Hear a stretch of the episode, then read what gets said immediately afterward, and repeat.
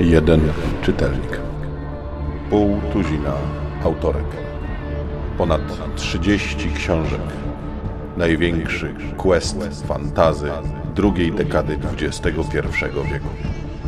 Godaj ponownie wkracza do świata czarów. Zgodnie z zapowiedzią e, pierwszego wprowadzającego odcinka wziąłem się za czytanie powieści Świat Czarownic otwierającej, co zaskakujące, cykl pod tytułem Świat Czarownic.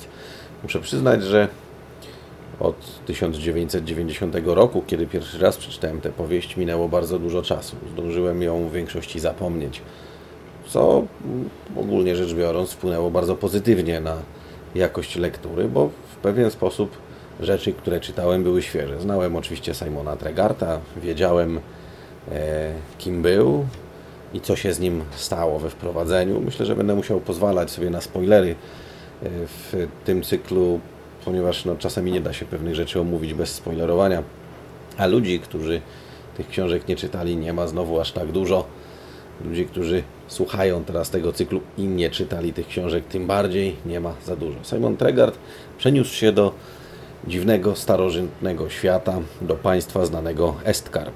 Chociaż wylądował w Alizonie, a dokładnie na moczarach toru oddzielających Alizon, znajdujący się na północy, od Estkarpu, znajdującego się na południu i pomógł tam czarownicy. Estkarp bowiem jest to miejsce, w którym rządzą czarownice. Matriarchat, który jest całkowitym zamordyzmem. Generalnie rzecz biorąc, cała kultura podporządkowana jest y, pewien sposób, mniej lub bardziej, temu, że światem rządzą kobiety, a mężczyźni służą im walką. To też mamy tutaj w pewien sposób opozycję do tego, co występowało w Ziemiomorzu Ursuli Le Guin, gdzie to męską domeną była magia, a magię kobiet uważano za coś złego, gorszego, za kuglarstwo.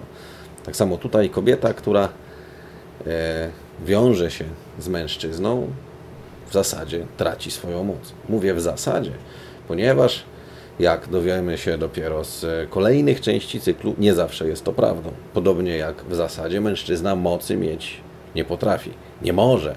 Tego nigdy nie bywało. Tymczasem Simon Tregard, przybywający z innego świata, przeczy tym zwyczajom. Simon Tregard przybywa do Estkarpu w momencie, kiedy toczy się wojna. Z zachodu, z zamorza przybywa niezwykłe zagrożenie. Kolder.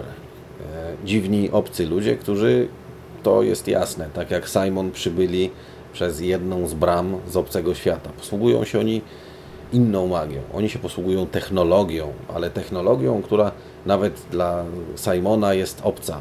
Posługują się także e, psychotroniką, telepatią, innymi sztuczkami oraz ich technologia wykracza poza świat Simona. Przypominam, że książka pochodzi z roku 63 chyba, więc tak naprawdę to, co my teraz możemy uznać za normalne, wtedy dla niego było jeszcze czymś niezwykłym. Tym bardziej, że akcja dzieje się chyba jeszcze troszkę wcześniej, myślę, że w latach 50., e, sądząc na odniesienia do, do II wojny światowej.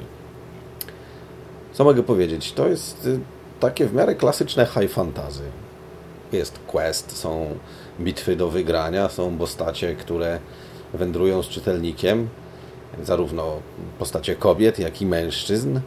Nie są to postacie typowe, ponieważ y, o ile dziewczyna ukrywająca się w męskim przebraniu jest teraz dla współczesnego odbiorcy czymś raczej sztampowym, to już na przykład zdeformowany y, bohater nie jest rzeczą, która w tamtych przynajmniej czasach była aż tak rozpowszechniona. Są starożytni bogowie, którzy nie schodzą już między ludzi, ale nadal im służą. Jest e, plemię mężczyzn wojowników, którzy jakby w opozycji do władzy, do zwyczajów panujących w Westkarpie swoje kobiety traktują e, w zasadzie jak posiadłość, jako tylko fabryki do rodzenia kolejnych sokolników a jednocześnie ciężko jest ich y, tak zwyczajnie z heteronormatywnego punktu widzenia znienawidzić, bo są świetnymi wojownikami e, oswajają sokoły i z ich pomocą walczą, bronią, przeprowadzają zwiady, więc w pewien sposób też są niezwykli. Ogólnie rzecz biorąc, jest to całkiem ciekawa mieszanka i mimo tego, że gdzieś tam zadania postawione przed bohaterami nie są szczególnie jakieś doniosłe. Trzeba wziąć troszeczkę pod uwagę fakt, y, w którym roku ta historia powstała. Trzeba też wziąć pod uwagę fakt, że w tamtych latach, generalnie rzecz biorąc, y, to mężczyźni pisali fantazy i samo tutaj spojrzenie kobiece na sprawę, gdzieś tam wprowadzenie pewnych wątków, motywów jest ciekawe. Co nie zmienia faktu, że książka ta jest przeciętna. Nie pomaga tutaj też y, polskie wydanie. Nie wiem, czy to jest kwestia drewnianego przekładu, ale jest cała masa powtórzeń, jakichś takich drobnych błędów. Myślę, że to w pewien sposób nie tyle przekład, co jakieś tam niedostatki, bądź wręcz brak redakcji. Książka wyszła w 90 roku. Wtedy polski rynek wydawniczy, a już szczególnie wydawnictwa fantastyczne, no to wyglądało troszeczkę inaczej. To była partyzantka w dużej mierze Wszyscy, no wszyscy, no moje pokolenie pamięta, jak wyglądały rzeczy wydawane przez Phantom Press, czyli rzeczy na przykład takie jak Ziemiomorze, które wypuścili tu. Amber teoretycznie był wydawcą dużym, ale mam wrażenie, że mm, tekst po tłumaczeniu nie został zupełnie zredagowany. Cała masa powtórzeń właśnie z niego wynikających, jakieś tam kłopoty z niektórymi rzeczami.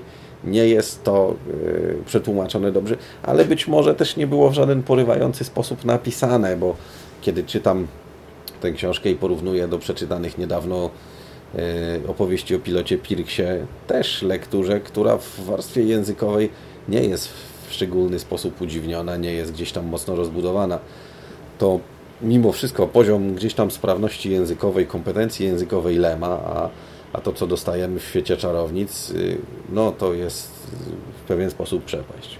Jednak, ponieważ y, Wiem wprawdzie, kim są Kolderczycy i wiem wprawdzie, jak zakończy się ta wojna. To było parę rzeczy, które mnie w tej książce zaciekawiły. Ze zdumieniem stwierdziłem po 25 latach, że oni tam walczyli z Karsteńczykami głównie, oprócz Kolderu, a nie z Alizończykami. Skąd mi się to wzięło? Znaczy, wydaje mi się, że wiem. Z Alizończykami walczyli mieszkańcy Hajhalaku. Musiałem to wszystko popieprzyć gdzieś tam w umyśle przez te wszystkie lata to nie było jakieś szczególnie traumatyczne doświadczenie. Nie było takiego blast from the past i cudownego zatchnięcia się nostalgią. Rany czytałem to, jakie to było super. Nawet scena, kiedy Coris z Gormu przyjmował topór z rąk Volta. E, no nie wiem, nie wzruszyła mnie za specjalnie. Wiedziałem, co e, czarownica na koniec zrobi. W zasadzie to była jedna z nielicznych scen, które pamiętałem, bo ani nie pamiętałem dowódcy Kolderczyków, ani w ogóle nie pamiętałem tego, że oni byli na Gormie, już nie mówiąc o walkach w twierdzy Sulkar.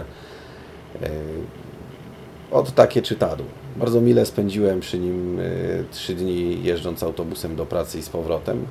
Na tyle mile, że mm, będę czytał kolejną część. W końcu chciałbym się dowiedzieć, jak to za tym morzem było i co się stało w porcie Kolder kiedy Simon i cała reszta ekipy postanowili jednak najeźdźcę, zgodnie z ukutym w pierwszym tomie planem, wykorzenić ze świata starej rasy. A więc, cóż mogę powiedzieć, do usłyszenia ponownie za jakiś czas na łamach tej audycji. A na razie życzę Wam wszystkim miłej soboty i pozdrawiam. Godaj.